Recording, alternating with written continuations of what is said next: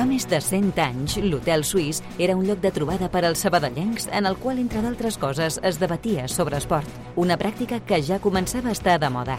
Un segle després, continuem amb aquell esperit històric d'una ciutat estretament vinculada a l'esport.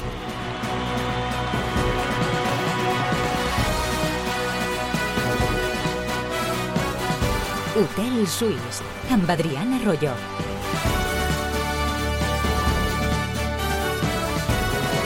Què tal, com esteu? Que la primera federació no carbura tant com ens pensàvem en la prèvia de la creació d'aquesta categoria és una evidència. Es van prometre uns recursos que no s'assoleixen ni en patrocinis, ni en televisió, ni res. Futbolísticament ha suposat un creixement brutal, però les diferències són totals. Igual segueixes un partit amb una realització 100% professional que t'és impossible veure'l per televisió amb una oferta absolutament amateur, depenent de l'estadi on es jugui. El tema dels estadis igual. Alguns han hagut de canviar la gespa a natural, d'altres tenen, com l'Intercity o el Melilla, un camp pràcticament de sorra, alguns han de marxar fora de casa a jugar com el Tarazona durant una època o el Cornellà, altres ho fan a ciutats esportives amb una capacitat mínima. Les diferències, insisteixo, són molt notables variables. Pots passar de jugar a Tajonar a fer-ho a Riazor en qüestió de 7 dies. I després està el tema dels desplaçaments. A l'antiga segona B era impensable haver de fer més de 1.000 quilòmetres per anar a jugar. Però deixar de fer-ho al camp del Barça Atlètic, per exemple, per anar a Ceuta o a Melilla, no sembla la millor idea logísticament parlant. S'està fent viral a xarxes el que ahir va dir aquí a Ràdio Sabadell Joan Soteres, la proposta als clubs de distribuir els equips per sorteig pur a l'hora de quadrar els grups. És només una de les pistes que ha donat el president sabadellenc de la Federació Catalana de Futbol i responsable de la categoria en aquesta entrevista. De seguida, més sobre el futur d'aquesta primera federació amb l'expresident Arlequinat. Tot l'esport de la ciutat, d'una a dues a l'Hotel Suís de Ràdio Sabadell. Al control de so un dia més, la Beatriz Aguilar. Què passa fora de l'hotel en un minut? Que l'Atlètic Club va superar 3 a 2 al Girona en el partit que ahir tancava jornada a la primera divisió masculina i deixa l'equip de Mitchell a 6 punts del Madrid, tot i l'empat blanc diumenge a Vallecas. El Nàpols, rival del Barça de Mala Champions, acaba de canviar d'entrenador. Va ser cessat Walter Mazzarri i el supleix Francesco Calzona, mà dreta de Sarri i d'Espalletti en el seu dia en el mateix club i fins ara seleccionador eslovac, càrrec que compaginarà a partir d'ara amb el d'entrenador dels napolitans. Avui a tot això ja hi ha Champions Champions masculina, a les 9 també Itàlia, Inter Atlético i a Eindhoven PSV Dortmund. I també hi ha avui quarts de final de la Copa del Rei de futbol sala masculí. A dos de nou juga l'únic català que segueix en la competició, el Barça, que visita el Penyíscola una hora més tard, Betis Palma. Demà els altres dos partits. I aquí a l'Hotel Suís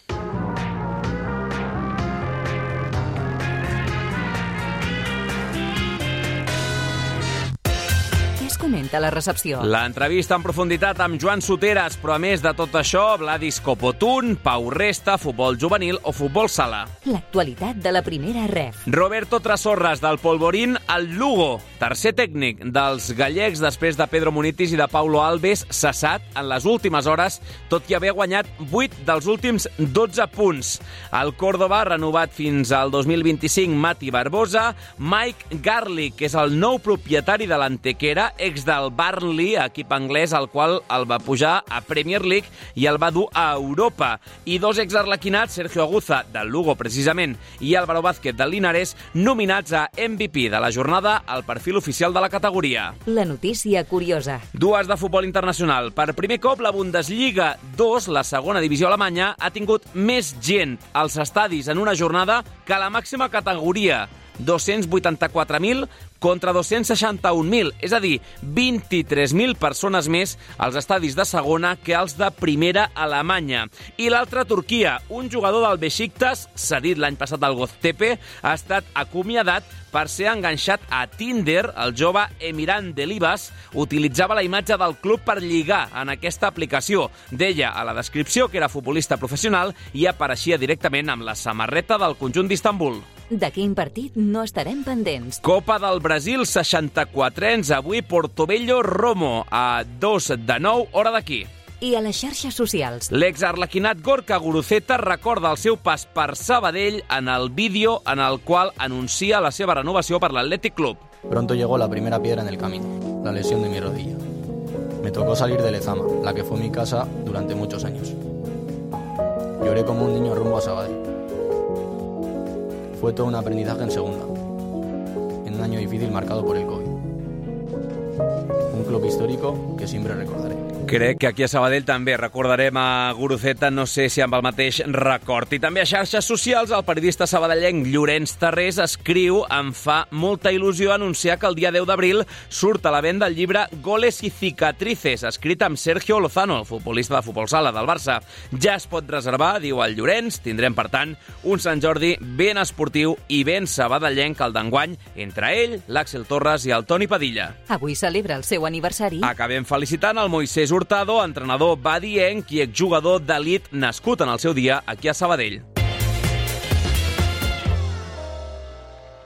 Tot l'esport de la ciutat, d'una a dues a l'Hotel Suís de Ràdio Sabadell. You know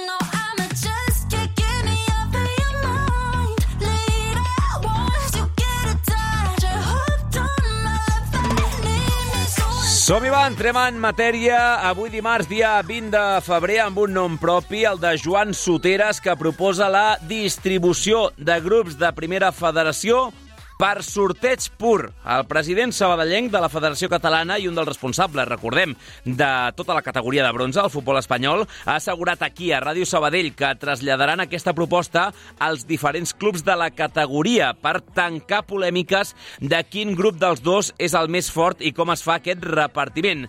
Ahir ja vau veure un tastet d'aquesta entrevista als més fidels, al tribuna preferent. Des de primera hora del matí ja corre també per les xarxes amb l'article al web de Ràdio Sabadell que fet el Vituri i que s'està fent viral, citats per gent com Rafa Maínez, Grada B Pro, Canal Blanquiverde, Futbol Catalunya, etc etc etc. Per tant, avui encetem el programa amb aquesta conversa íntegra del Pau Vituri amb l'expresident del Centre d'Esports, amb l'actual president de la Federació Catalana, Joan Soteres. Joan Soteres, eh, què tal? Benvingut una vegada més aquí a, a Ràdio Sabadell. Bona tarda, casa meva. I tant, i tant. Uh, fa... Uh, avui el, el tenim aquí perquè fa qüestió d'un any i una setmana, uh, aproximadament, el 13 de febrer del 2023, uh, va guanyar aquesta repetició dels comicis de, de la Federació Catalana de, de Futbol. La primera, és molt, la primera pregunta és molt tòpica i molt típica, però uh, balanç d'aquest primer any al capdavant de, de l'actual mandat de la Federació? Bueno, s'ha fet... S'ha anat fent tot el que vam portar en les últimes eleccions de la campanya electoral. S'ha anat complint, es quasi estem al 100% de tot el que es va dir que es faria, s'ha fet. Eh, jo m'agradaria destacar molt el canvi en el, en el, que hi ha hagut en el, en el pla de competició, que se jugui les categories. Hem començat amb alevins i, i benjamins jugant per edats de naixement, per data de naixement. Seguirem aquest any jugant amb l'infantil ja per data de naixement i l'any que ve, o sigui, la temporada que ve infantil i l'altre cadets. I bueno, això era una de les coses doncs, que, que, que vam planificar i vam dir que es faria, s'ha fet. Seguim sense apujar en els clubs ni als federats ni un euro cap de les seves res del que estan pagant per jugar a futbol. Això fa cinc anys que no s'ha pujat i estarem quatre anys més sense pujar-ho, que jo les coses que em comprometo les faig. I, eh, bueno, de les coses també s'ha creat la Lliga Èlic, que també es va dir que es crearia, crec que és una bona categoria, i, bueno, que us he dit ara les coses més importants o les coses que més, més doncs, estan en el candeler que s'ha creat, no? Seguirem treballant i seguirem fent el que hàgim de fer eh, i mentrestant doncs, bueno, anirem aguantant doncs, tot el que ens ve a sobre que, que, que no és poc. La feina és molta en la Federació Catalana. Ha estat també un any força, força mogut perquè eh, Joan Soteres ha hagut de patir una nova impugnació del procés electoral, tot i que el Tribunal Català de l'Esport doncs, ja va acabar fallant a favor seu. Eh, després va venir també aquest eh, escàndol Rubiales amb la dimissió de la vicepresidència de l'Espanyola, eh, també el posicionament de la Generalitat perquè, perquè dimitís. No sé si ha estat potser el moment més, més agre, més, eh, més dur d'aquest any. Bueno, eh, sí, però ja estic acostumat jo a passar de tot.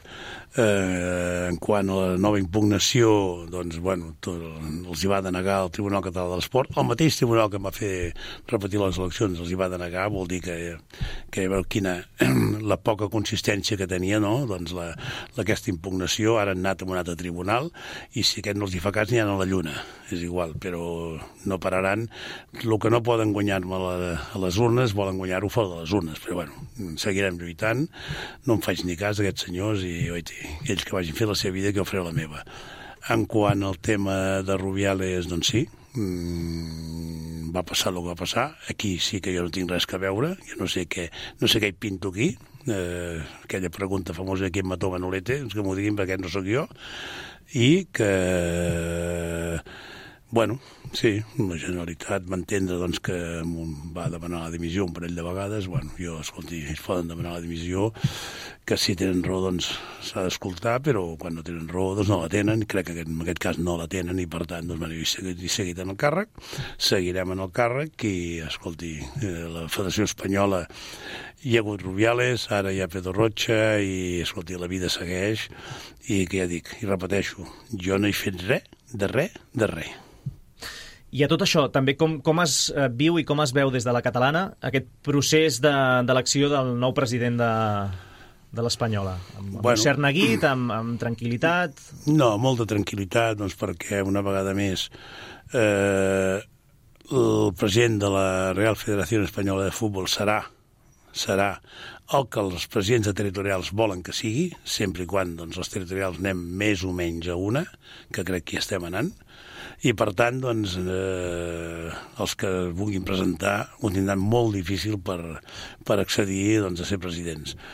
Nosaltres apoyem a Pedro, si el Pedro Rocha es presenta, que crec que es presentarà, de moment no, no s'ha manifestat, però si es presenta, doncs nosaltres apoyarem a Pedro Rocha i per tant, doncs, bueno, seguirem i lo important és que Catalunya estigui ben representada a Madrid perquè encara que va, sembli que no sigui important, és molt important. Què li demanaria en aquest cas a, a, Pe a Pedro Rocha? Quina seria la, la, la llista de prioritats, la, la número 1 de, de Joan Soteras? No, no, no. Nosaltres hem d'estar ben representats per una sèrie de motius, doncs, perquè doncs, es pugui beneficiar el futbol català quan hi ha certes, quan hi ha certes disposicions, certes coses a Madrid, és important que Catalunya se l'escoltin i hi hagi una, una veu a Catalunya que pugui dir doncs, això sí, això no, o això. I quan diu sí o no és perquè interessa més o menys en els nostres clubs, el nostre futbol.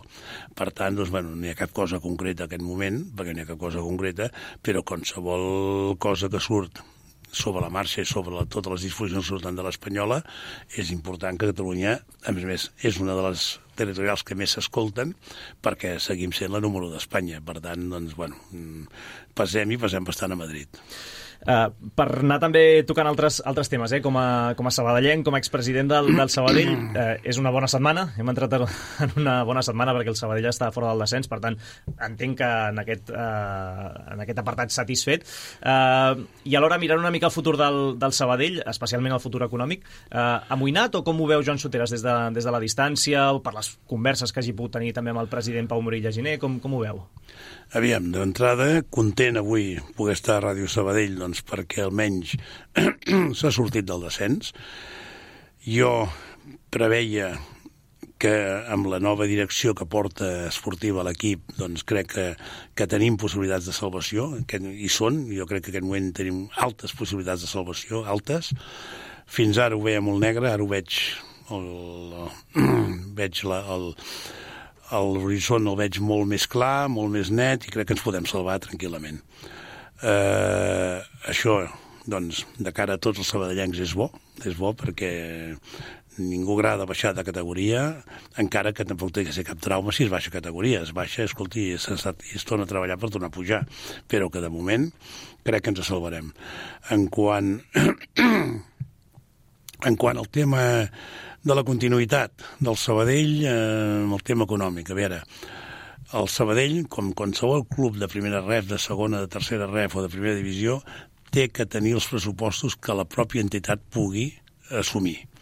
Aviam, per tant, doncs, bueno, jo entenc doncs, que el Sabadell i els seus dirigents, i així jo el veig un dia al Pau Morilla, ha de fer ha de fer el pressupost que cregui que es pot assumir com a club. No podem, aquell dit, que aquell ditxo català que no podem estirar més el braç que la màniga, això en futbol és molt habitual i creiem que, i crec jo personalment que això no ha de ser així. Eh, Aquí tenim uns ingressos que tots sabem a final de principi de temporada quins seran, ens podem equivocar d'un 10% amunt o d'un 10% avall, però sabem els que seran. Per tant, hem d'ajustar els pressupostos als ingressos que tenim. Si ho fem així, mm, d'entrada, un dels problemes que tenim, que és el problema econòmic, ja no el tindrem.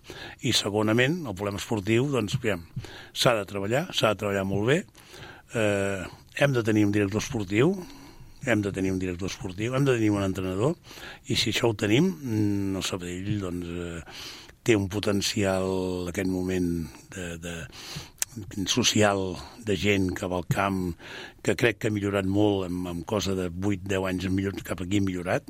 Anem més gent a l'estadi que no anàvem. Per tant, doncs això, ja dic, és un, és un potencial social que tenim que no altres clubs no el tenen. Per tant, això ho hem d'intentar explotar i si ho fem així, el Sabadell no tindrà cap tipus de problema. Feia ara una, una reflexió interessant eh, sobre, aquest, eh, so, sobre el fet de ser eh, estricte a nivell econòmic no? o realista a nivell econòmic en, en funció dels ingressos que té cada, cada club. Eh, li pregunto també, en aquest cas, com a responsable de la primera federació. Això és una cosa eh, que es pugui implementar en un futur no massa llunyà a la, a la categoria, sabent també que és una de les reclamacions no, no sé si dir històriques perquè té poca història la categoria, té tot just tres temporades, eh? però que sí que s'ha- s'han fet. El fet que hi hagi un control econòmic en els, en els clubs, és possible això? No, no és possible, no. Que s'està, es comença a treballar, s'està portant a terme ja el control econòmic.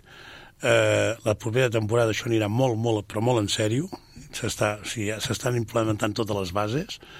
Eh, en aquest moment hi ha reunions periòdiques, que, que va ser fa 10-12 dies vam fer una reunió a Madrid i ens havien fet un, un o dues més, i se'n seguiran fent, doncs, perdó, perquè tots els clubs puguin, estiguin eh, amb la mateixa línia de, de, de, de, de que Madrid se'ls pugui controlar realment el que es poden arribar a gastar i no, i no arribar a gastar com és la, la Lliga de Futbol Professional.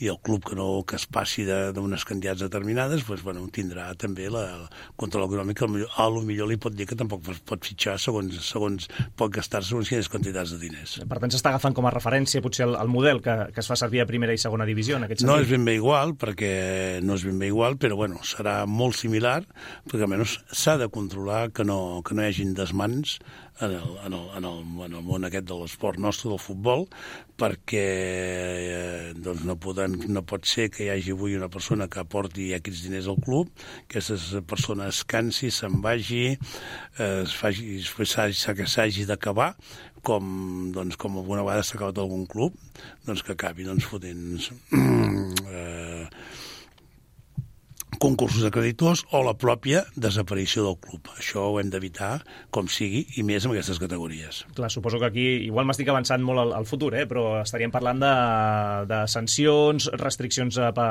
per incorporar jugadors, estaríem Més que, parlant d'això, no? més que sancions, restriccions. Restriccions eh, a l'hora de fitxar. Més que sancions. Sancions, jo crec que en aquest tema no se'n poden posar doncs, perquè doncs, la sanció més important és que no et deixin gastar una quantitat de diners per la temporada, aquesta temporada o la que ve. Estarem pendents de novetats en aquest sentit, ja que estem amb la, amb la categoria, perquè aquesta setmana també hem conegut, o bé, la setmana passada vam conèixer eh, informacions també arrel d'entrevistes que, que el mateix Joan Soteres doncs, eh, donava a Tarragona al, futur, eh, al voltant també de- d'altres aspectes, com per exemple eh, el tema de, de la possible tornada de la gespa artificial, també disminuir aquesta exigència de- d'estadis o de la capacitat dels, dels estadis. És així? Va, va per aquesta línia el futur de la, de la primera federació? Eh, la primera federació es va començar amb una idea determinada, amb una idea doncs, mm, de categoria. Crec que en aquests tres anys ens estan, ens estan sortint coses sobre la taula que les, hem, les podem millorar, s'han d'intentar millorar. Una d'elles és la, la de l'herba, o sigui, aviam, està molt bé que es vulgui jugar amb herba natural, mm, trobo perfecte, molt bé, però el que no es pot admetre que hi hagin camps que no siguin ni d'herba natural, que siguin camps de patates. A veure, aquí, quan se juga, s'ha de jugar en unes certes condicions. Tu no pots sancionar o, o, o posar certes sancions als clubs perquè tenen l'estat del terreny de joc en molt males condicions quan tu no els dones una altra opció doncs, aquests propis clubs doncs, perquè puguin treballar en una altra direcció. Per exemple, Catalunya som una, una, una comunitat, aquest moment que tenim, som de les comunitats que menys camps de gespa natural tenim. A sobre de que no tenim camps de gespa natural, els pocs que tenim mm, no podem ni regar-los. Tenim una sequera, tenim problemes amb l'aigua, per tant, els que tenim els tenim, però nosaltres hem de pensar ja no solament en aquest moment és Catalunya, però millor d'aquí dos anys la sequera està a Castella-La Manxa, que no ho sabem. Per tant, crec que hem donat l'oportunitat de que en aquesta categoria també es pugui jugar amb gespa artificial, però no qualsevol tipus de gespa artificial. Avui hi ha una gespa artificial doncs, que inclús juguen a Champions, que el Champions està, està homologada per UEFA i s'està jugant a Champions. Aquesta herba artificial, si se juga a Champions, doncs eh, es podria jugar tranquil·lament la primera ref nostra, una, que és una gespa doncs, que passa una, anualment que passar unes auditories per un tipus d'empresa per saber com està aquest tipus de gespa a cada moment, que no fos una gespa d'aquestes que al cap de dos anys estigui tota aixafada i que sigui una, una moqueta, sinó que sigui una gespa en condicions, que no estigui ratllada amb ratlles de futbol 7, i això ho portarem, a una, ho portaré a la comissió, a la comissió de, de primera ref, que ens que es farà a no tardar, el mes de març, que farem una comissió de primera rep, i això portaré aquesta i altres, i altres coses en la comissió. Una altra de les coses és que les normes estan per complir-les, no podem demanar estadis en capacitat mínima de 5.000 quan hi ha filials i el, sobretot els filials que juguen a les ciutats esportives tenen capacitat d'espectadors que no arriben a 1.000 espectadors. Per tant, jo entenc doncs, que aquestes, aquestes diferències doncs, no, no es poden admetre i no pots posar normes que no es compleixin. Per tant, jo crec que això també s'hauria de baixar de 5.000 a 1.000, eh, que els camps de, que hi hagi un, mil, un mínim de 1.000 espectadors, com que entenc també que això també ho portarem a, que, que, a parlar amb la comissió, que crec que els filials no s'hauria d'admetre que poguessin fitxar cap jugador superior a 23 anys, perquè després això ja tenen prou agravis comparatius a favor dels filials, més falta que sobre els deixem fitxar jugadors de més de 23 anys, un filial està per pujar o està per, no, per baixar, i va al desembre i et fitxa jugadors veteranos de 28, 29 o 27 anys per salvar la categoria o per pujar. Això no podem admetre, això és un agravi comparatiu, i crec que això també s'ha de posar sobre la taula i parlar-ne. I crec, no sé si hi ha alguna cosa més, estic pensant, però sí, em sembla que hi ha alguna cosa més. Però això és de lo més important que hi haurà. Sí, després hi haurà el sorteig, que el sorteig això no serà cap imposició, sinó que això es passarà en els propis clubs que decideixin si volen, si volen seguir amb el mateix procés de, de separació de grups, tal com està ara, que en definitiva és una proposta que fan el, la pròpia departament de, De competició, de competicions sí, sí. de la REF i, i després això passa a aprovar-se en els presidents de territorials. Jo crec que això està molt bé, però jo, jo, seria, aniria una, una mica més lluny. El que passa és que això no s'imposarà, això ho passarem a que els propis clubs vulguin triar-ho. Jo aniria a sorteo puro, jo ho sento molt. Jo agafaria, jo posaria quatre, quatre bombos, amb un bombo hi posaria els, de- els, que, els que baixen de categoria, amb un altre bombo els que pugen de categoria, perquè hi haguessin, perquè fos mm, equitatiu tot, un altre bombo els filials, que també fossin equitatius, i amb un altre bombo tota la resta. I aquí, a sorteo puro, toqui qui toqui. I jo, això, d'aquesta manera, faria els dos grups. Ara, això ja dic, això no, no s'imposarà, així és com el més segurament s'imposarà, això no s'imposarà, es passarà... Eh, es passarà eh, que sigui votat pels propis clubs, dels, dels 40, cl- sí, 40 clubs, i si s'aprova, doncs, vaja, jo crec que seria una de les maneres ja d'oblidar-nos de que si eh, el grup aquell és més fort, si l'altre és més fluix, vol dir, toqui qui toqui. Un any et tocarà aquí, l'altre any et tocarà allà. Per tant, estaríem parlant que tot això s'aplicaria a partir de la, de la, pròxima te de la temporada, 24-25. 24-25, eh, si tot s'acaba aprovant, insistim en aquesta comissió, hi haurà coses que, Hi ha coses que, es hi ha coses que sí, hi ha coses que no cal sotmetre a votació. Hi ha no? coses que se sometran a votació i coses que seran, doncs, per Real Decreto.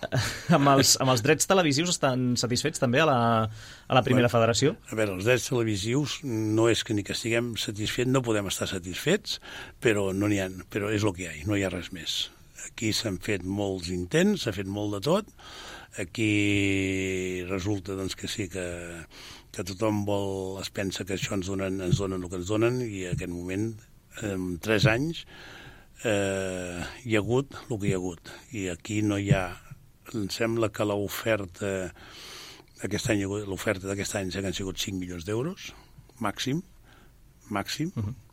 eh, en canvi, el reparto que es fa per, per audiovisuals arriba als 9 milions i pico, perquè això ho acaba, ho acaba que no és per audiovisuals, que els són els que són, però es completa la Federació Espanyola fins a 9, entre 9 i 10 milions, perquè és la, és la xifra que es va donar que sí que va haver-hi una, una plataforma que el primer any havia donat aquesta xifra, encara que després no la va pagar.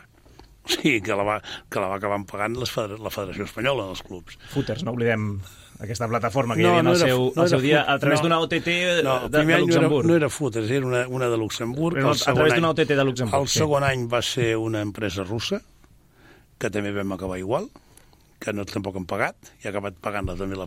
Tot això són denúncies que s'han fet amb les empreses, ara, Mhm. perquè aquestes denúncies, pot... al millor d'aquí 7 o 8 anys o 9 o 10 els hem cobrat, però vull dir, de moment els que realment han pagat en els clubs és la Federació Espanyola. I aquest any és el primer any que hi ha hagut una oferta de 5, l'hem agafada és de 5, i hem completat fins a la xifra que es havia pagat els anys anteriors, perquè no diguin que s'ha pagat menys del, allò, els ha pagat la Federació Espanyola. I així, i així anem, dir, els ha pagat amb un concepte, amb un altre concepte, el concepte d'ajudes de no sé què, és igual. Però en definitiva és el, és el, és el concepte que et complementa dels 5 en, els, en la xifra que hi havia els altres anys. Doncs estarem pendents de totes aquestes novetats eh, al voltant de, del futur de la, de la categoria, d'aquesta primera federació a partir de, de la temporada 24-25, a través d'aquesta comissió que ha de tenir, prop, eh, ha de tenir lloc eh, d'aquí prop, com ara avançava el, el Joan. Joan Soteres, eh, president de la Federació Catalana de Futbol, també màxim responsable d'aquesta primera federació i, i sobretot sabadellenc, eh, com ens agrada recordar, i expresident del Centre d'Esports. Gràcies per, per acompanyar-nos un dia més aquí a Ràdio Sabadell. Gràcies a vosaltres.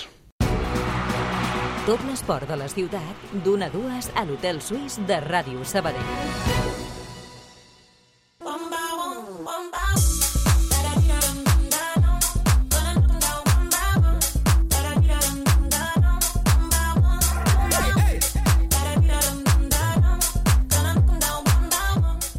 Dos quarts de dues, mal comptats, un minutet, concretament per sobre de- d'aquests dos quarts. Sergi Garcés, què tal, com estàs? Bona tarda. Què t'ha semblat aquesta conversa de soteres amb, amb el Pau Vituri? Indiferent no deixa ningú, No, eh, no, no, Soteres? a dir interessant. O sigui, si hagués de fer servir un, un adjectiu només, diria que interessant. A partir d'aquí eh, hi ha coses que segur que tindrà defensors, altres que tindrà detractors, i que, com dius, no deixa mai indiferent a Joan Soteres a, a l'hora de parlar i que al final estem parlant no només amb el president de la Federació Catalana de Futbol, que ja de per si seria una veu més que autoritzada, sinó un dels pesos pesants, Adri, dins del que és la primera federació. Per tant, no sé si tot el que vol proposar en aquesta comissió eh, tirarà endavant, si un tant per cent caurà pel camí, però al cap i a la fi, com, i, com idees, doncs mira, eh, ja et dic, a títol particular personalment, eh, hi ha algunes que em semblen prou encertades, altres les veig una mica més quijotesques, que diuen allò en castellà. Les coses com són. Deixa clar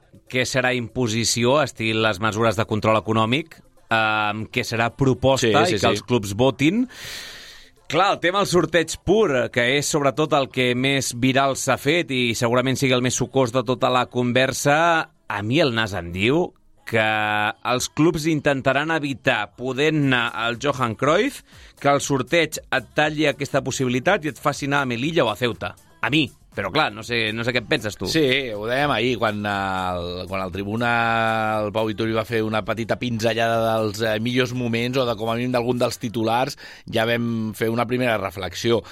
Se'n fa complicat de, de, de pensar-ho, potser per massa trencadora, eh, o, eh, en aquest sentit, però se'n fa difícil de pensar-ho eh, que els clubs puguin estar d'acord, sobretot amb aquesta circumstància que, que es podria dibuixar, no? Podria donar-se el cas, si pensem en aquest any, que el Sabadell no vagi a Palamós, no vagi al Johan Cruyff i no vagi al nou estadi, fins i tot et diria que no vagi a Tarazona o que no vagi a... més igual, a Teruel, i per contra que et toqués anar doncs, dues vegades al nord d'Àfrica, a les illes, A Huelva, a, o- a Andalusia, que n'hi ha un bon grapat d'equips, i ja no parlo de dificultat, eh? ara estic parlant simplement de, de despesa econòmica en una categoria que és absolutament eh, deficitària, eh, que és una autèntica ruïna en l'aspecte econòmic, doncs eh, si li afegeixes en aquest cas despeses extres que puguin provocar viatges no lògics com els podem entendre dins d'una lògica de proximitat, se'n fa difícil.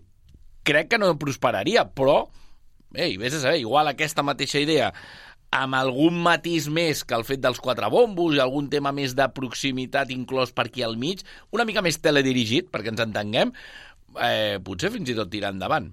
Alguna vegada s'havia parlat, per exemple, d'un sistema cremallera, de Sí. dir, mira, el, el quart per la cua de segona va a un grup, el tercer a l'altre, el segon, el penúltim, vaja, a l'altre, el cué a l'altre, i a partir d'aquí vas agafant un de cada grup per equilibrar nivells. Aquesta esportivament pot tenir una certa lògica, I no tindria sorteig. eh, no hi hauria sorteig, no hi hauria debat, per dir-ho així, no hi hauria discussions, no hi hauria negociació, que per mi és ara la part més viciada que té el sistema, perquè al final s'acaba decidint perquè els catalans, els bascos i els madrilenys els hi va bé una cosa, voten el mateix en l'assemblea i oh, acaba apareixent, tot i que sí, però amb matisos, eh? No, no, per, perquè després és eh, per què una territorial té més pes que l'altra quan no té representació a la categoria, Correcte, sí, sí. o són els clubs els que voten, o són les territorials perquè acaba autonòmiques... votant, eh, en aquest cas, per posar un exemple, eh, la- l'asturiana que estàvem parlant, quan aquí ni, ni, ni ha de dir ni asa ni bèstia perquè no, no, no en té representants no, en aquesta O, o ho dic d'una altra manera, perquè la federació en el seu dia proposa dues eh, opcions que no són les que els clubs estaven plantejant. És vota, sí, votaràs, però entre A i B. No, és que jo vull la C, aquesta no es pot. Sí, o sigui sí. que al final, eh, obrint-la a debat, eh, tens, tot i així, maneres de redirigir-ho. Bé, bé molt, per mi és la part més viciada que té la composició, ja que hem entrat en aquest tema de la composició de grups, eh, és la part més viciada. Però eh, la del factor cremallera, torno a dir, eh, com té una, una vessant esportiva més equilibrada, és cert que també d'una temporada a altra. Un equip pot haver quedat tercer un any i l'any següent ser un autèntic desastre, per posar un exemple, però també té aquesta part de despesa econòmica extra per la, perquè trenca la proximitat, perquè pot passar perfectament el mateix que t'he dit de, del sorteig pur podria succeir per classificació, que el Sabadell sigui sisè, el Cornellà sigui setè, el Barça tercer i el Nàstic onzè, i vagin amb els imparells, per dir-ho així, amb els senars, i el Sabadell vagi amb els parells. Per tant, et quedaria sense els tres representants catalans, però per contra et tocarien, doncs això, també, dos extremenys, eh, quatre gallecs i dos eh, del nord d'Àfrica. Mm, També podria passar. Tindrem temps i tant de bo que haguem d'estar amb aquestes. Tant de bo. Home, sí, sí, eh, ahir també fèiem la conya, no? Tant de bo eh, el Sabadell tingui aquest mal de cap perquè significarà ja d'entrada que s'ha mantingut a la categoria, donant per fet que no podem aspirar a gaire més alt que no sigui seguir un any més en aquesta categoria de bronze. Va, anem a parlar una mica del centre d'esports perquè avui ja torna a haver-hi activitat després de dos dies de descans. Avui torna de la feina a Sant Oleguer, ja pensant en el Real Unión. I així d'entrada, Sergi, el primer que t'he de preguntar és com està el tema dels lesionats, barra tocats, barra molèsties, els jugadors que poden ser baixa o alta eh, amb el peatge de Zubieta encara pendent. Avui sí que ha tocat proves, ahir dèiem que quedaven pendents aquestes proves mèdiques. Al final hem fet gairebé un pack, un autocar per anar a fer proves mèdiques, si se'n permet la broma, perquè Ens hi havia- preu, hi ha un segur. bon grapat eh, de, de jugadors que havien de, de sometre's a diferents eh, exàmens. Uh, per parts, i a l'espera, a l'espera que quedi clar dels resultats d'aquestes proves mèdiques, Marc Domènech i Carles Salvador sembla que no haurien de tenir massa problema, això sobre el paper. En el cas de Gualda, recordem aquella trepitjada al peu en el partit davant el Rayo Majadahonda, eh, tampoc sembla d'entrada que hagi de revestir més gravetat que el dolor en si mateix de la trepitjada. Ricard Pujol, ahir ho deixava Madri amb aquell impàs de dir doncs sembla que era una mica més del que s'havia dit en un primer moment. El pas de les hores, tot això sempre pel que sembla, no perquè Per- per sensacions. no tenim cap certesa, però hem tornat un punt inicial, és a dir, que podria tractar-se d'una molèstia menor, i el que sí que més o menys sembla coll avall és que Raül Baena, com ja vam dir des d'un primer moment, aquest genoll de Raül Baena eh, no girava massa rodó i bé, crec que estarem parlant de setmanes, en el millor dels casos, sense poder comptar amb el jugador malagueny, sense que Òscar Cano, en aquest cas, pugui comptar amb el jugador malagueny. Doncs avui a la nit o demà al matí que coneixer, es coneixeran ja tots els resultats d'aquestes proves eh, i tindrem ja diagnòstics més ferms. I també hem de parlar dels joves. Ahir que ja van fer la primera pinzellada és el tema estrella del que em portes avui, eh? Sí, és el tema estrella perquè, com diem, no sé si provocat per tot aquest allau de baixes o perquè realment eh, s'hi creu, jo m'agafo més aquesta segona versió, eh, és evident que aquests dies toca parlar d'aquests joves davant la possibilitat de que tornin a reafirmar-se mm, i que tornin a, a, meravellar, a meravellar com ho estan fent, incloent el, el propi entrenador, el propi Òscar Cano. Sense anar més lluny, eh, tornem a recordar, eh, a Zubieta el Sabadell va acabar sortint amb Marc Domènech, Marro, Vladis, això a la línia ofensiva, per no parlar, sempre dic el mateix, que no se'ns oblidin, Pau Restes o, o, o els David Estals, que allà hi són. El que passa que els donem bastant més per fet perquè porten més temps ja consolidats en aquesta primera plantilla. Al cap i a la fi, la reivindicació d'aquests joves que estan complint amb tot allò que els hi demana Òscar Cano i com dissabte més a Zubieta doncs, eh, van acabar donant el gol de la victòria, en aquest cas amb Vladis Copotun, que va ser eh, l'artífex d'aquest gol, el seu primer gol de la, de la temporada, premi al treball, a aquesta constància i a aquesta resposta a la confiança de d'Òscar Cano, que hi creu molt amb ell i sobretot ell també vol agrair la confiança d'Òscar Cano d'entrada amb aquesta felicitat pel gol i per la victòria, diu Vladis. Molt content, la veritat que estic molt content. No m'esperava per res aquesta passada de Toni, que és una, em sembla una passada increïble i quan veig que vaig tan sol que me l'emporto i després que em regateja el porter i veig la porteria dic per fi. O sigui, molt content, et dic en lo personal i molt content per l'equip, perquè l'important al final és els tres punts, puntazos que hem tret aquí. En qüestió de 20 segons ha dit quatre molt contents i la resposta era més llarga encara, o sigui que algun content més va caure, eh? O sigui, feliç, felicitat pura, vaja. Sí, felicitat del jugador i felicitat també d'Òscar Cano, eh? en aquest cas per ell, eh, com dèiem, un premi a la feina que li estava fent eh, Vladis Copotun, un davanter en el qual diu te- textualment, literalment, diu que li té molta fe per, eh, per com treballa, per tot el que dona a l'equip i en aquest cas perquè li està responent, no ens equivoquem, a la confiança que ha dipositat el tècnic andalús en el jugador ucraïnès.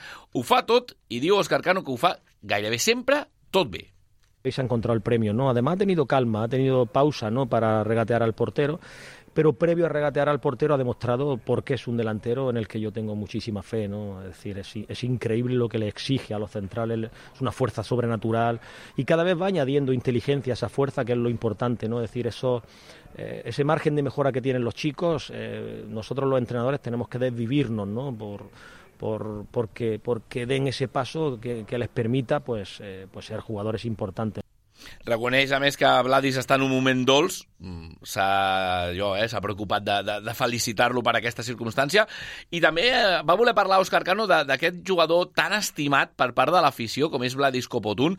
Té clar, en aquest eh, sentit, el tècnic arlequinat, que és una estima recíproca, però que en el cas de l'afició envers a Vladis Copotun es tracta de reconèixer-li la feina, el treball, l'esforç i totes les ganes i estima que li posa el Centre d'Esport Sabadell. Con qué fe hace las cosas y, y- y el amor que le tiene a... Es decir, todo lo que la afición quiere a Vladis eh, no es fruto de la, de la casualidad. Es decir, esto no es casual, es porque se entrega y la afición es soberana y sabe, evidentemente, que hay un chico que se deja la piel y, y se desvive por hacer las cosas de la mejor manera, ¿no? Y bueno, no hemos encontrado un delantero que la verdad que va a dar mucha- muchas buenas tardes al, al Sabadell, ¿no? Les floretes, tot això, no només adreçades a Vladis, eh? en el cas de Cano ho hem escoltat moltes vegades, però el mateix punta ucraïnès que ha volgut repartir també els mèrits amb els companys, sobretot amb, posant la lupa amb això que dèiem, no? aquest perfil més jove, més de la casa, que han irromput amb força últimament. Sí, aquesta entrega, aquest treball, aquesta feina, no només, com dius, de, de Vladis, sinó extensible a la resta de, de companys joves de, del vestidor, perquè se'ls està donant aquesta oportunitat, per la circumstància que sigui, i perquè estan demostrant i estan responent, com diem, a, bé, amb escreix a tot allò que se'ls hi demana. Impossible, diu eh, Vladis Copotun, amb tota la confiança que estan rebent, no deixar-s'ho després tot el camp, i això és el que estan fent tant ell com la resta de companys. Som un equip que estem totalment preparats per jugar els 25 jugadors, 26 que som. A partir d'allà, Òscar fa el seu 11 i a qui li toqui lluitar s'ha de, de deixar la cara, s'ha de deixar tot per aquest escut. I, és, I això és una evidència. I després que ens toca, el, com tu dius, i ja ha sigut tema aquest de parlar de el Marc Marruecos, el Dome de turno, el Vladis, doncs si ens donen l'oportunitat som gent amb, molta fam, molta fam de, de fer coses personalment i suposo que tot el món molt grans. I ho demostrem, suposo que lluitant, corrent, Doncs trencant-se la cara per l'escut, com deia Vladis Kopotun. Fa tres dies ja de Zubieta, Sergi. Pensem ja en el, en el partit contra, la Real, contra el Real Unión o no? Sí, un altre equip guipuscoà. Vinga, va. El segon equip basc consecutiu que s'enfrontarà al centre d'esports en qüestió de, de res, d'uns dies. Avui ha tocat ja encetar aquest cicle que porta l'equip a jugar dissabte a les 4, com dèiem, a la nova Creu Alta contra l'equip fronterer. En una setmana especialment feliç, primera en 4 mesos, que el Sabadell afronta eh, estan fora de perill. Sí, i, i tots plegats, eh? ho estem assaborint, sense perdre de vista, això sí, el que s'ha repetit en més d'una ocasió, que el camí és molt llarg, que el Sabadell encara no ha aconseguit res, que encara li queda molta, molta feina a fer i molt, molt camí, valgui la redundància, per recórrer cap a l'objectiu de la permanència. En aquest sentit, per Vladis Kopotun, res més que pensar en la cita de dissabte davant el Real Unión, aposta al jugador ucraïnès al davanter per continuar treballant en la mateixa línia i, sobretot, per no fallar dissabte davant un equip que ara no, però que podria acabar sent un rival directe en aquesta zona perillosa de la classificació. cada equip competeix molt bé i ara el que toca pensar és treballar bé, molt bé durant la setmana i, i sobretot intentar guanyar aquest cap de setmana, o sigui, intentar ficar-los o no, l'important és sumar tres punts i a partir d'allà ja mirarem cap a més endavant o cap a altres equips. Però el que pensem ara mateix en sumar tres punts cada cap de setmana, guanyar els més partits possibles i, i donar-ho tot. Ja et dic, a casa sobretot el que volem és que l'afició vingui, que, que és molt important. I un altre dels que ha tret una mica de ferro això d'estar fora del descens o haver estat quatre mesos dins és uh, Pau Resta, que sona una mica estrany, però també és un dels joves de la plantilla. Sí, ho dèiem abans, no? Al final eh, ens fixem tant amb els que venen d'Olímpia, per dir-ho així, que se'ns passen per alt, o els que ja estan més contrastats, més consolidats, o els que no han vingut del, de l'obrador arlequinat, però que també són insultament joves, i és el cas, com dius, de l'empordanès de Pau Resta, que, com dius, no li acaba de donar massa importància a la classificació, per ser justos hem de dir que no ho feia abans, quan l'equip estava molt enfonsat, ni tampoc ho vol fer ara que s'ha tret al cap aquesta setmana d'aquestes places de descens, i té clar que més enllà de classificacions, dissabte, dissabte, dissabte, Real Unión, Real Unión i només Real Unión. Sincerament, jo no estava ni, ni pendent d'això. Crec que encara ens queden molts partits. Uh, sí que és veritat que ara poder doncs, doncs ens veiem fora, però tot passa per, per la setmana que ve doncs, doncs a casa, que és on hem de sumar els tres punts. Avui s'han de valorar molt perquè fora de casa costa molt. Un Pau Resta que a mi em va sorprendre perquè li preguntàvem sobre el seu bon rendiment i deia, no m'ha agradat el meu partit a Zubieta, estic rebent moltes oportunitats i, i crec que he d'aportar més i deia en aquest sentit que ell va acabar amb millor regust a nivell individual del seu paper contra el Barça Atlètic que no pas davant de la Real B. Igualment, eh, el Sabadell, com dèiem ahir, ja no és el pitjor visitant de la Lliga, amb diferència, ha passat a uns quants en aquest capítol, però a casa sí que aquí el tòpic diu que si et vols salvar, el temple s'han de quedar la majoria dels punts. Sí, fora de casa l'equip ha de continuar en aquesta millora. Eh, després de Palamós ha arribat Zubieta, però mm, els números encara continuen sent un pèl pobres. On sí que no es pot fallar és a casa. És evident que la permanència passa pels partits a, a l'estadi davant de l'afició i en aquest sentit per Pau Resta escoltarem una més aquella, aquelles ganes de no fallar i de no fallar-li a l'afició tampoc, que està al costat de l'equip ho està demostrant tant a casa com a fora. Nosaltres ens sentim molt còmodes a casa amb la nostra afició, tot i que avui també valorar doncs, tota la- l'afició que s'ha desplaçat, que al final ens ha, doncs ens hem sentit també també com a casa i és important doncs, que comencem a sumar a fora, que tindrem rivals eh, de, la nostra, de la nostra lliga i, i s'han de sumar. Doncs s'ha d'anar sumant mica en mica, és que al final el Sabadell, eh, tu mires la classificació i, i ha de sumar molts punts encara, eh? Encara que estiguis fora del descens, tothom s'anima en el tram final de Lliga a anar esgarrapant punts d'aquí i d'allà, queda molta feina encara. Eh? Un càlcul ràpid eh, diria que queden 7 victòries per arribar als 46 i a partir d'aquí a veure si, si serveix o no serveix. Però dit així sona molt gros, eh, clar, 7 partits guanyats, eh, estem parlant, que són aquests 21 punts més que podria sumar el Sabadell als 25 que té. Tu, per il·lusionar-te una mica més, et diré que veníem de fer ara fa un mes a estar a 8 de la permanència, doncs mira, eh, tot aquest camí que ja has fet, tot aquest recorregut que ja t'has tirat a l'esquena, encara que ara soni molt llunyà. Dissabte a les 4, el partit? Dissabte a les 4, des de mitja hora abans a Ràdio Sabadell, pendent aquests dies, eh, i aquestes pròximes hores, Adri, dels lesionats, d'aquests dubtes, i simplement per arrodonir-ho, demà entrenament a la nova Creu Alta, després parlarà Marc Domènech. Ho escoltarem, la seguirem aquí, en directe, a l'Hotel Doncs Suís. estarem atents aquí a l'Hotel Suís. Gràcies, Sergi, fins ara. Fins ara. Escolta el programa quan tu vulguis al podcast de l'Hotel Suís.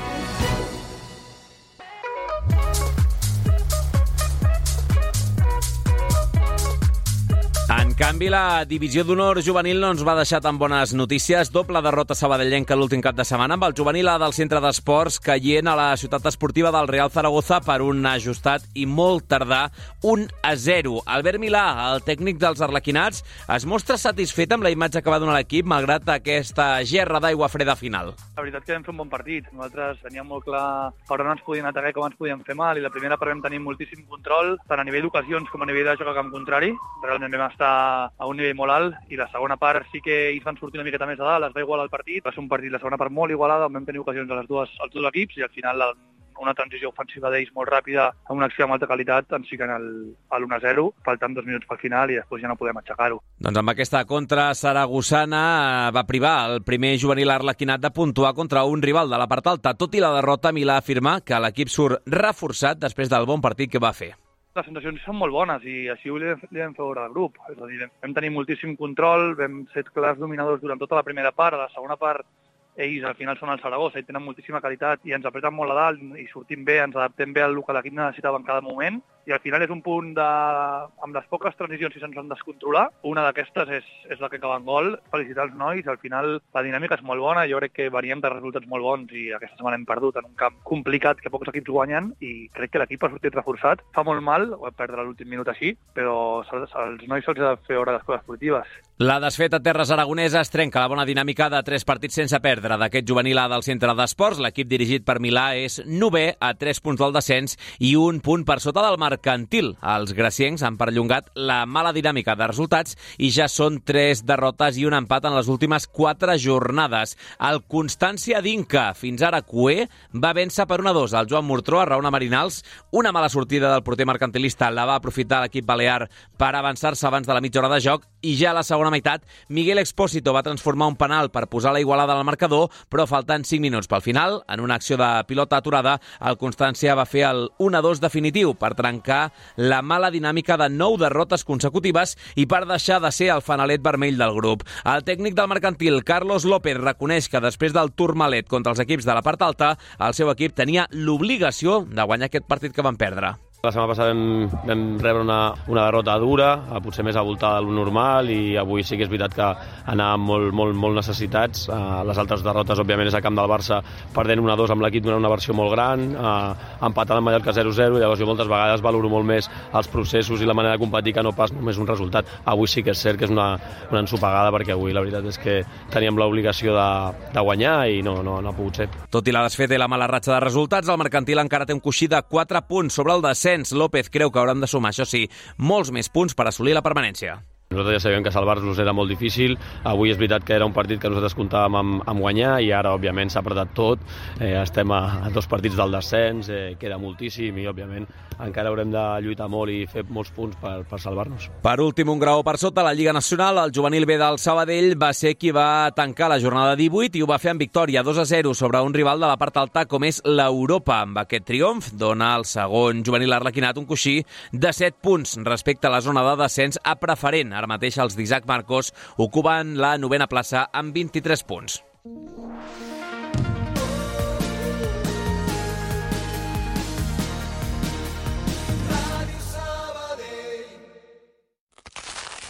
Ets un panarra. T'agrada el pa de debò, cruixent amb molla esponjosa i l'aroma de l'autèntic pa.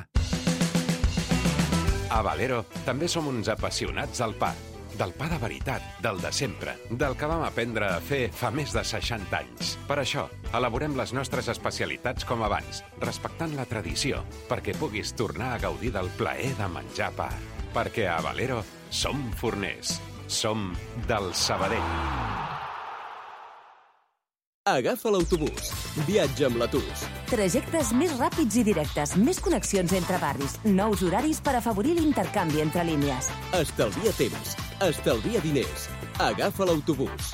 TUS, Transports Urbans de Sabadell. D'una a dues, l'Hotel Suís, a Ràdio Sabadell.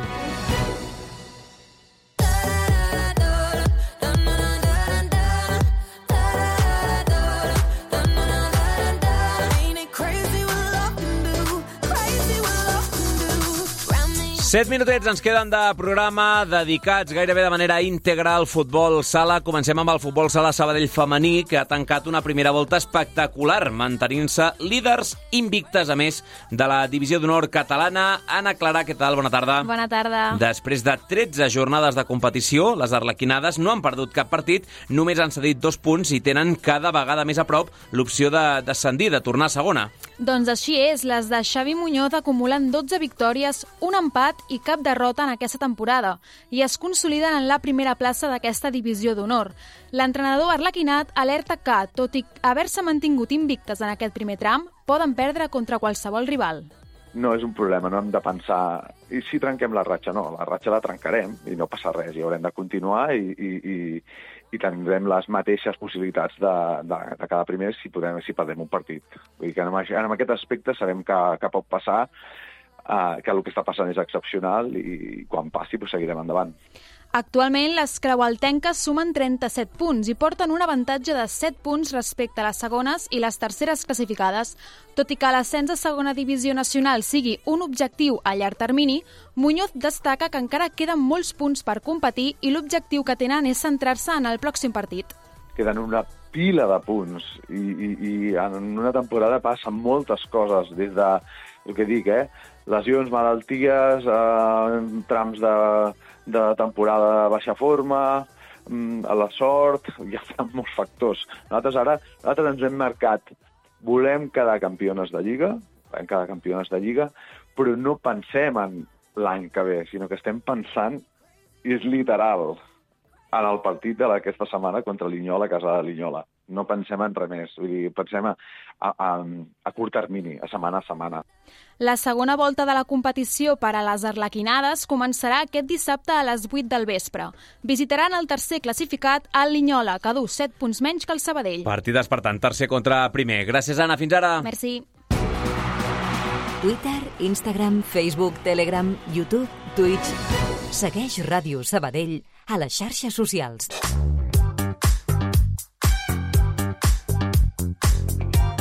I a la segona B masculina, en canvi, les opcions d'ascens del Natació Sabadell i de l'Escola Pia semblen realment molt remotes. Sergi Parc, què tal, com estàs? Hola, Adri, com estem? Els dos equips, això sí, estan ben assentats a la zona mitjana, lluny de la zona alta, però també del descens. Sí, fa pinta que serà un final de temporada més aviat tranquil, eh, per uns i altres, i els dos van tenir un guió de partit similar en l'última jornada, ja que van empatar els seus compromisos després d'anar per darrere en el marcador. El club va saber sobreposar-se, Adri, a un 3-0 en contra a la sempre complicada pista del Cerdanyola al Guiera, una reacció que va ser fulgurant a la segona meitat amb els gols de Luis García, Adri Caro, un dels nous fitxatges del club, i Àlex Llamas, que van salvar aquest puntet. Aquest últim, Àlex Llamas, considera que era molt injust que anessin perdent per 3-0. Nosotros acabamos una primera parte que es irreal, de un 3-0, porque hemos sido muy superiores, muy, muy superiores, pero el rival llega y te mata. El Cerdañola sabes que es un equipo que llega y te mata. Y nosotros, pues las oportunidades que tuvimos no las metimos y, y ellos la- las que llegaban la- las enchufaban. Un Llamas que ha reaparegut en les últimes setmanes després de lesió i, de fet, ell mateix ha explicat que no està ni molt menys recuperat, però les circumstàncies han fet que forci la maquinària més del compte. Durante el partido juego vendado, eh, tomándome pastillas, eh, sufriendo porque quieres entrenar, sabes que tienes un autor, te piden hacerte una eco, una resonancia, tú quieres dar y aportas como puedes. Yo, por ejemplo, recuerdo la segunda parte, creo que juego 17 minutos y del, esfuer- del propio esfuerzo del partido, yo me tiro toda la noche vomitando. Mal, eh, cansado, déu nhi el panorama. El club ha sumat 4 dels últims 6 punts i sembla que ha frenat del tot la caiguda que havia patit amb aquelles 7 derrotes seguides. L'escola Pia, per la seva part, continua amb el seu treball de formiga, sumant un punt més al caseller. Sí, empat a la pista de la Montsant, ja en van 6, per ser rei de l'empat, aquesta escola Pia en el grup 3 de segona B. En aquest cas davant d'un rival que, tot i estar en descens, ha donat guerra tant a Can Colàpia a la primera volta com també dissabte a la seva pista. De fet, els barcelonins guanyaven 2-0 i la Pia va reaccionar a temps fins al 2-2 final. Pedro Donoso, el tècnic, en fa aquesta lectura del partit. Al final es muy complicado sumar cada semana, ya prueba de ello todos los empates que ha habido este, esta semana y, bueno, y al final es un partido más, una pista complicada, un ambiente, bueno, un pabellón lleno y, y bueno, y que los equipos de abajo se lo están jugando todo, ¿no? Eh, Tienen toda, siempre hay, para ellos siempre hay opciones de, de salvarse y bueno, y lo dan todo, ¿no? Entonces son pistas complicadas donde, donde nada es fácil, ¿no? El partit, això sí, es va veure tacat pels incidents que es van recollir, que van recollir els col·legiats a l'acte. Segons aquest redactat, els àrbitres van ser insultats des de la graderia local pocs instants abans de finalitzar l'enfrontament i també després del xiulet final. I a més es recullen també amenaces de l'encarregat de material local després que aquest fos expulsat. Sí que es cierto que bueno, el ambiente es el que es y el arbitraje después también es el que. No me gusta hablar de los árbitros, ¿no? Pero bueno, yo creo que hubo jugadas donde podían haber decidido un poquito el partido y no se pitaron, ¿no? Y bueno, al final, eh, cuando todo el ambiente que rodea es ese, pues al final te puede pasar todo lo que pasó, ¿no? Pero bueno, al final yo creo que entre los dos equipos tampoco hubo nada.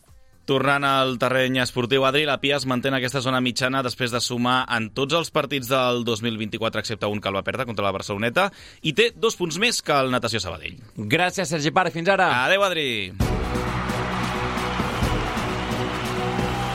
Un minut i les dues. Demà, per cert, arrenca aquí a Can Llong el campionat d'hivern d'Espanya de natació. Per tant, estarem ben atents aquí a l'hotel suís del que passi al Natació Sabadell, a més del 3x3 de bàsquet, amb Iker Pajares a punt d'estrenar-se al Windy City Open de Chicago, amb esgrima, amb la roda de premsa en directe de Marc Domènech, etc etc etc. I amb la Beatriz Aguilar, que estat avui també al control de so i que us envia un petó des de l'altra banda del vidre. Ara nosaltres marxem, però a la sintonia de Ràdio Sabadell toca ara el Notícies migdia amb tota la gent d'informatius. Que vagi bé aquest dimarts. Adéu-siau.